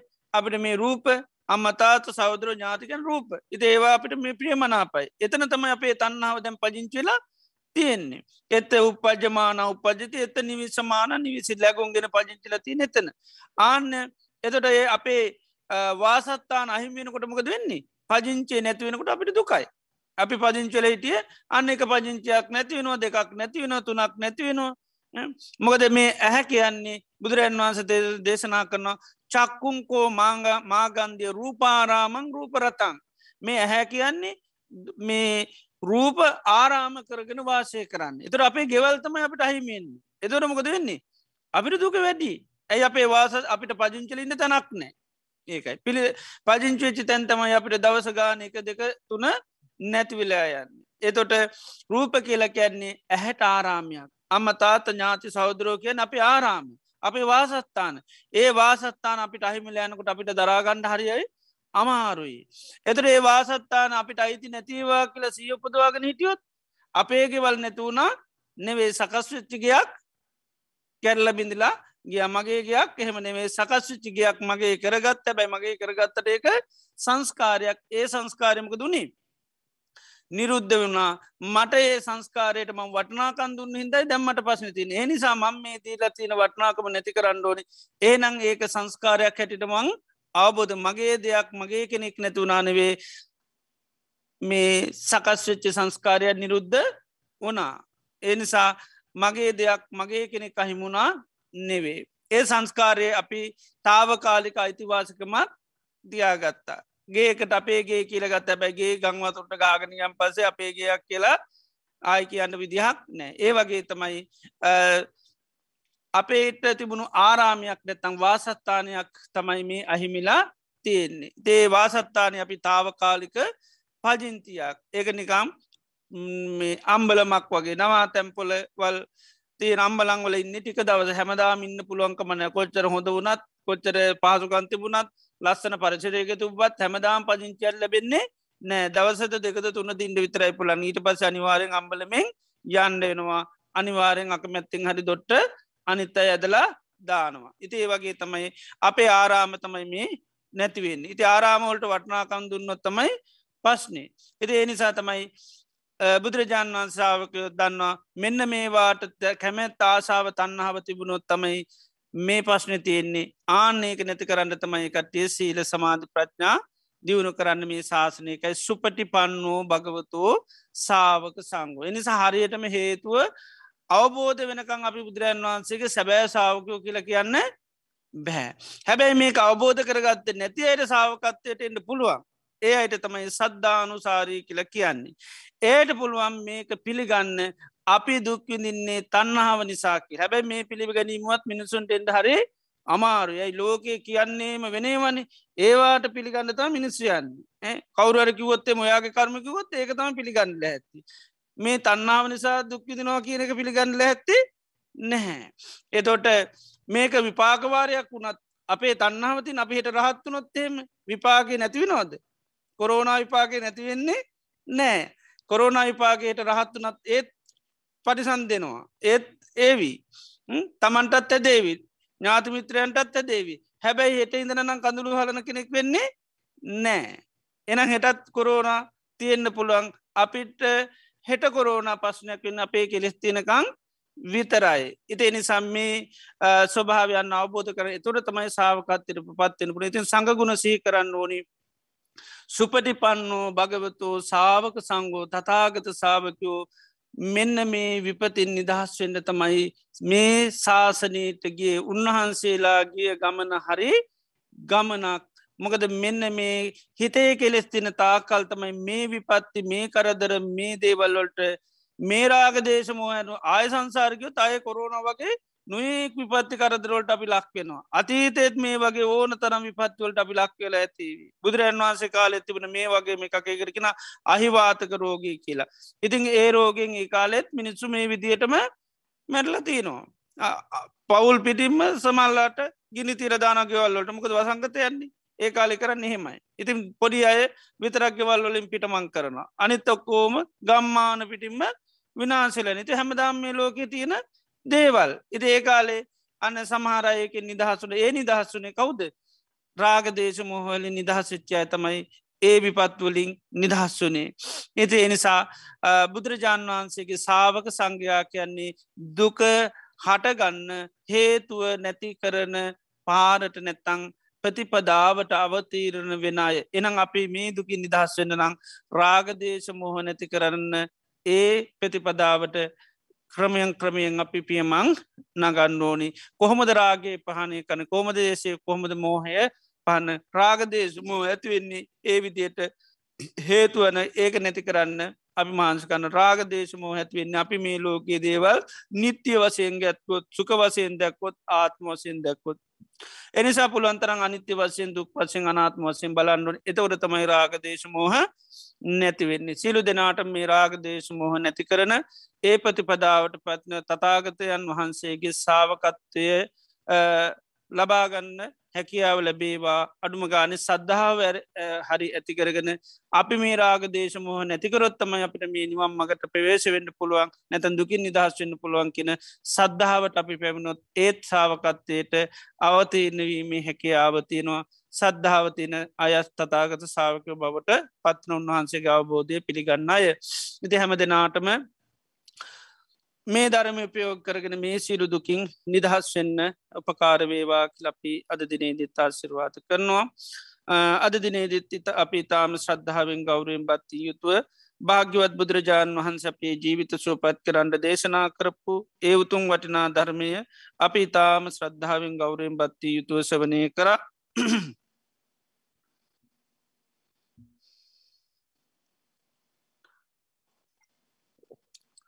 ඒ වගේම සෑම දිනයකදීම අපි මේ දේශනය පටන්ගන්ඩිස්රලා මරණානුස්මතිය සිහි කරනවා. මරණය ගැන ඒකත් නැවත නැවත සිහි කරන්න ඕනි එකක්.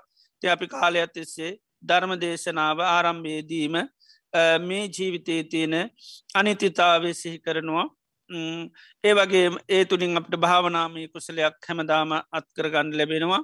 ඒ වගේම මේ දේශනාවන් දේශනා කිරීම තුළ අමුෘත ධර්මී පින්කම සිද්ධනවා ඒ වගේ මද දිනීදීමී දේශනාවන් සඳාදායකත්වය සැපීමෙන් ධර්මදානමී පින්කම සිද්ධන මේ වගේ ආයතනයම් පවත්වමින් මේ දේශනාමාලවාවල් දිගටම මිනිස්සුන්ට හන්ඩ ඉඩ සලසලාදීමින් මිනිස්සුන්ගේ චිත සන්තානගත සියලූම ප්‍රාගදේශමෝහ නැති කරගන්න දුකින් නිදහස් වෙන්න උපකාර වෙනවා. බුදුරන් වහන්සේගේ ධර්මය තුළ මේ චතුරාර් සත්‍යය මේ දේශනා තුළින් අපිට හඬ ලැබෙනවා. ඒ ඇසීම තුළ මේ චිත සන්තාන තුළ මොහොතකටහරි අපිට කෙලෙසුන්ගෙන් නිදහස් කරගෙන මේ හිත සුවපත් කරගන්න මේ ධර්ම උපකාරී වෙනවා. බණ අහන වෙලාවක අපේ හිතේ නීවරණ යටවත්තල රාගදේශ අඩුවල හිත බොහොම පබල ඒ වගේම සාහනසීලී මනසබ් බවට පත්වන තිය නිසා බනක් අහන්ඩ ඉඩ සලසලාදීම ධර්මදානමී පින්කම ශේෂ්ඨ දානයක් හැටිට දේශනා කරනවා. ති මේ මොහොතේ ඉතාමත්ම වටනය ධර්මදානමී පින්කම සිත කරගන්නවා. ඒවගේම මේ දේශනාවන් සවනය කරන්න කරන්න අපිට බුදුරජාණන් වහන්සේ කරේ මහා ශ්‍රද්ධාවක් ඇති වෙනවා. සම්මා සම්බුද්ධෝ භගවා ඒ කාන්තේම බුදුරජාණන් වහන්සේ නම් සම්මා සම්බුද්ධයි ඒ වගේ උන්වහන්සේ දේශනා කරපු ධර්මය ස්වාක්කාතු භගවතා දම්මු භාගිතුන් වහන්සේගේ ධර්මය මනාකොට දේශනා කරපු දෙයක් සුපටි පන්නෝ භගවතෝ සාාවක සංකෝ තතාගත සාාවක සංඝයා මේ කෙලෙසුන්ගෙන් නිදහස්වීම මාවතට පිළිපන්නා උන්වහන්සේලා ගිය ගමන හරි ගමනක්. තිවිධ රත්නය කරෙම අපට මහා පැහැදීමක් ඇතිවෙනවා මේ දේශනාවන් සවනය කරන්න කරන්න. යම් මොහොතක තිවිදරත්නය කරේ ප්‍රසාද සිතක් පහළුණොත් ඒක බොහෝ කාලයක්ම හිතසුව පිණිසප හේතුවෙනවා. තිං මේ මොහොතේදී ධර්මශ්වනය කිරීමෙන් මරණානු සුති භාවනා සිත කිරීමෙන් ඒ වගේම ධර්ම දේශනා කිරීමෙන් ඒ වගේම තිවිදරත්නය කරේ ප්‍රසාද සිත් පහලවීමෙන් අප්‍රමාණ පුුණ්‍ය ශත්‍යයක් අපේ චිත සන්තාන තුළ රැස්කරගන්ට යුතුන අද දිනේදිත් විශේෂ පුුණ්‍යානු මෝදනා ආශිර්වාද කරන්න බලාපොරොත්තු වෙනවා. අද අගෝස්තු මස විසිතුන් වෙන සඳුදා ධර්ම දේශනා සඳහනුග්‍රායන් දක්වන්නේ දිනේශ විසාකා දෙපල තම දරුවන් දෙදෙනවන ශනුලි සහ ඔනලි විසින් ඒවගේම පවුලේ සුපසිද්ධිය උදෙසා ශ්‍රී ලංකාවේ ජීවත්වෙන දෙමවපියන් සානිකුත් පවුලේ සාමාජකින් මේ වසංගතරෝගෙන් ආරශ්ාවී ඒ අයිගේ ජීවිතවලට සිත සාන්තිය ආශිර්වාදය බලාපොරොත්තෙන් අද දිනේදී ධර්මදේශනා සදාදායකත්වය සපයනති මේ රැස්කරගත් උදාරතර පුුණ්‍ය ධර්මයානු භා බලින් බුදු පසේ බුදු මහරහතන් වහන්සේලාගේ අනන්තු ගුණානු භාව බලින් ඒ දරුවන්ටත් ඒ වගේම මවපියන්ටත් ඥාතමිත්‍ර හිතයිසි සෑම දෙනාටමත් සෙතක් සාන්තියක් යහපතක් වේවා ඒව සංගත රෝගයට ලක්නුවේවා ඒ වගේම අයගේ දෛනික ජීවන කටයුතු සාර්ථක උපත්තාගනයන් ආධ්‍යාත්මික වසින් ගුණ දියුණු කරගන්න සත්‍යය ධෛරේ වාසනාව චිර ජීවනය දීර්ගාවශ ලැබේවා කලප්‍යාසිරවාත් කරනවා.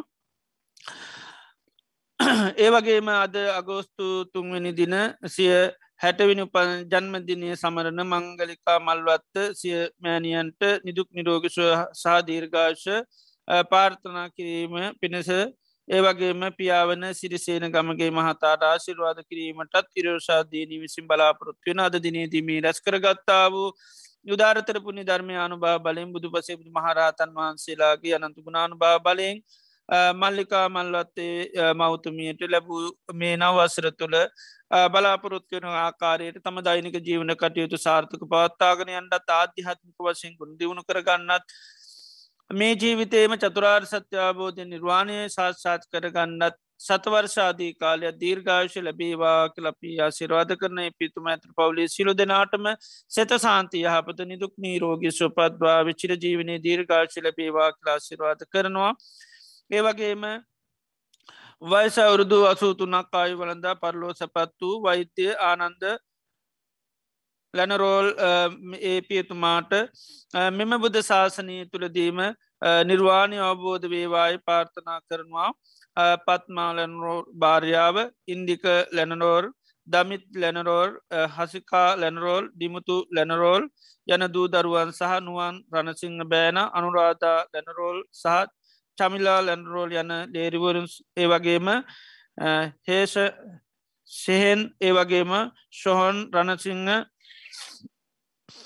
ඉනුක ඒ වගේම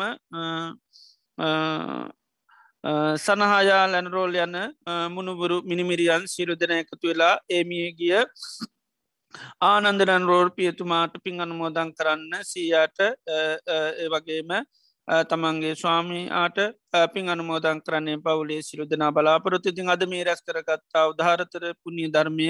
ඒ පින්වත් පියතුමා සියතින් කරගත් පිනක් හා සමානුව සාදු කියලා මේ රැස් කරගත් උදාරතර පුුණ්‍ය ධර්මය අනුමෝදං වේවා.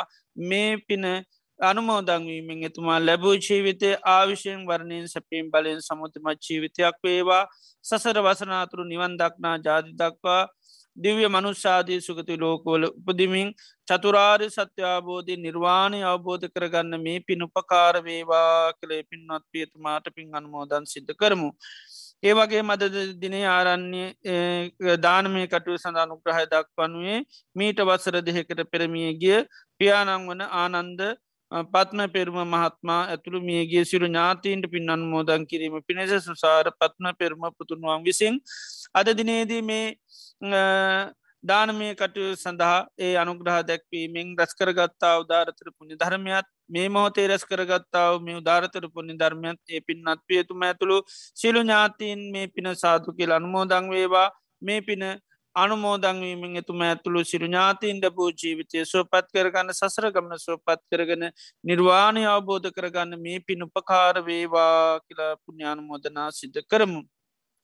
ඒවගේ අපි නමින් මිය පල්ලෝගේ සිරු ඥාත මිත්‍රාදීන්ටත් මේ උදහරතර පුුණ්‍ය ධර්මය අනුමෝදන් කරම. සිරු ඥාතීන් මේ පින දැක අනුමෝදං වෙලා සිරු ඥාතීන්ගේ ජීවිත සුවපත් කරන්න මේ පිනුපකාරවේවා කියල පුුණ්‍යන් මෝදනා සිත කරමු.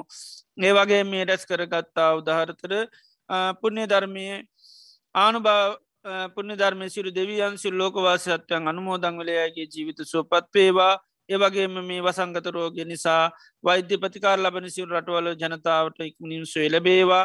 ඒ වගේ මේ වසංගත රෝගය සිව රටවල්ලින් අයිංවල සිරු ජනතාවට ඉක්මනින්ම සුවේ ලැබේවා ලප්‍යාශවාත කරනවා. ඒවගේම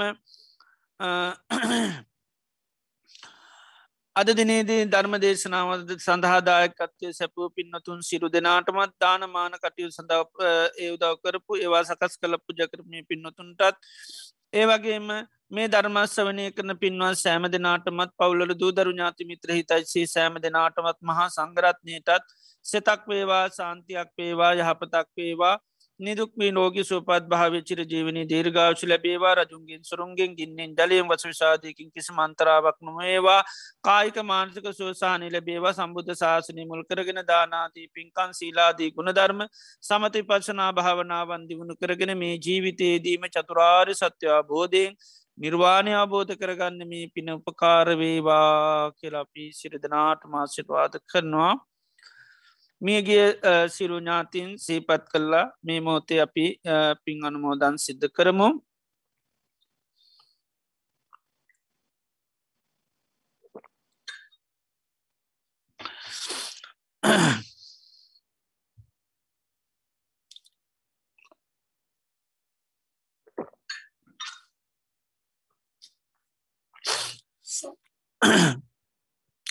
මිය පල්ලෝගේ ආනන්දලයන් රෝල් පින්වත් පියතුමාන්සේ පත් කරලා වගේම පත්ම පෙරුම මහත්ම ඇතුළේ මිය පල්ලෝගිය තමන්ගේ ඒ මවපියන් සේපත් කරලා අනිකු සිරු ඥාතින් සේපත් කරලා අපි මේ රැස් කරගත්තා උදාරතරපුුණි ධර්මී ඒ සියලුම දෙනා සාදු කියලා අනුමෝදං වෙලා එයගේ ජීවිත සුවපත් වේවා කියලා පැන්වරලා පින් අනුමෝදන් සිද්ධ කරමු. ඉදංහෝ ඥාති නංහෝතු සුගිතා හොන්තු ඥාතයෝ ඉදංහෝ ඥාති නංහෝතු සුගිතා හොන්තු ඥාතයෝ ඉදංහෝ ඥාති නංහෝතු සුගිතා හොන්තු ඥාතයෝ. යතාවාරි වහාපුරා පරිපූරෙන්ති සාගරං ඒව බීවයිතෝ දින්නම් පේතානං උපකප්පති. උන්න මේ උදකං වට්ටං යතානින්නම් පවත්වති ඒව මේව ඉතු හේතු දින්නං පේතානං උපකප්පති.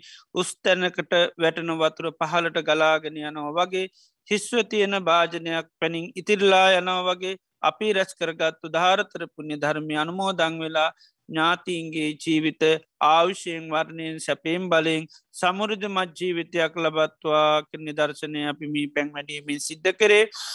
ඒවගේ මේ රැස් කර ගත්තා උදාරතර පුුණ්‍ය ධර්මය සිරු දෙවියන්ට සිරු සත්‍යන්ට මේ පින අනුමෝදං සිද්ධ කරමු. එත්හාවතාච අම්මිහි සබ්බදම් පුං්ඥ සම්පදං සබ්බේ දේවා අනුමෝදන්තු සබ්බ සම්පත්ති සිද්ධියා. එත්හාවතාච අම්මිහි සබ්බදම් පුං්ඥ සම්පදං සබ්බේ භූතා අනුමෝදන්තු සබ්බ සම්පත්ති සිද්ධියා. එතාවතාච අම්මිහි සබ්බදම් පුං්ඥ සම්පදං සබ්බේ සත්තානුමෝ දන්තු සබ සම්පත්ති සිද්ධියා ඉමිනා පුං්ඥකම්මීන මාමේ බාල සමාගමෝ සතන් සමාගමෝ හෝතු යාව නිබ්බාන පත්තියා ඉදම් මේ පුං්ඥකම්මං ආසවක්කයා වහං හෝතු සබ්බදුක්කා පමුංචතු සදු සදු සදු. සියලු දෙනාටම සිත සාන්ති හපදු දාවේවා කියලා සිරවාද කරනවා. සබීතියෝ විවජ්ජන්තු සම්බරෝගෝ විනාස්සතු මාතේ භවත්වන්තරායුසුකී දීගායකෝ බව භවතු සබ්බ මංගලං රක්හන්තු සබ්බ දේවතා සබ බුද්ධානු භාවේන සබ්බ දම්මානු භාවීන සබ සංඝානු භාවේන සදාසොත්ති බවන්තුතේ සාධූ සාධූ සාධූ ඕකාස වන්දාමි භන්තේ. සුපත්වේවා. මයා කතම් පුඤ්ඥං සාමිනා අනුමෝදි තබ්බං අත්සාධනුමුතාමී සාමිනා කතම් පුඤ්ඥං මයිහන්දා තබ්බං. සාධුවනුමෝදි තබ්බං සාදු සාදු අනුමෝදාමි. ඕකාස ద్వාරත්තයේන කතන් සබ්බං අච්චයන් කමත මේ භන්තේ අමාකමට ඕකාස කමාමි භන්තේ. දුතියම්පි ඕකාස කමාමි භන්තේ. තතියම්පි ඕකාස කමාමි භන්තේ සීලවන්තං ගුණවන්තං පුඤ්ඤක් කෙත්තං අනුත්තරං දුල්ලභේන මයාලද්ධං පස්සිතුං වන්දිතුං වරං සාරිපුත්තාදි තේරාණං ආගතං පටිපාටියා සද්ධා සීල දයාවාසං බුද්ධ පුත්තන් නමාමහං සාදු සාදු සාදු බද්ධයක විහාරී ආරණ්‍ය සේනාසනය මගින් අන්තර්ජාලය ඔස්සේ දිනපතා පවත්වාගෙන ලබන සද්ධර්ම දේශනා මාලාවේ අද අගෝස්තු මස 23 වෙනි සඳුදා ධර්මානුශාසනාව පවත්වා වදාළ බද්ධයක විහාරී ආරණ්‍ය සේනාසනයේ ප්‍රධාන අනුශාසක පූජ්‍යපාද වැෑගොඩපළ විමල ඥාන ගෞරවනීය ස්වාමින් වහන්සේට চিරාත් කාලයක් ශාසනික සේවයේ යෙදමින් බොහෝ දෙනාගේ ධර්මාවබෝධය වඩා වර්ධනය කිරීම සඳහා ශක්තිය ධෛර්යය වාසනාව නිදුක් නිරෝගී සුවසිත සහචර ජීවනය වේවා. ප්‍රාර්ථනීය බෝධියකින් උතුම් නිර්වාණ අවබෝධය සාක්ෂාත් කර ගැනීම සඳහා අප සියලු දෙනා රැස් කරගත් උදාර කුසලානි සංශයන්ද හේතු වාසනා වේවායි සාදුකාරදී පුණ්‍යානුමෝදනා සිදු කර ආශිර්වාද කරමු.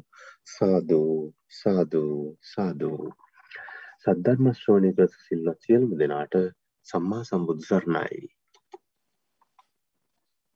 Recording stopped.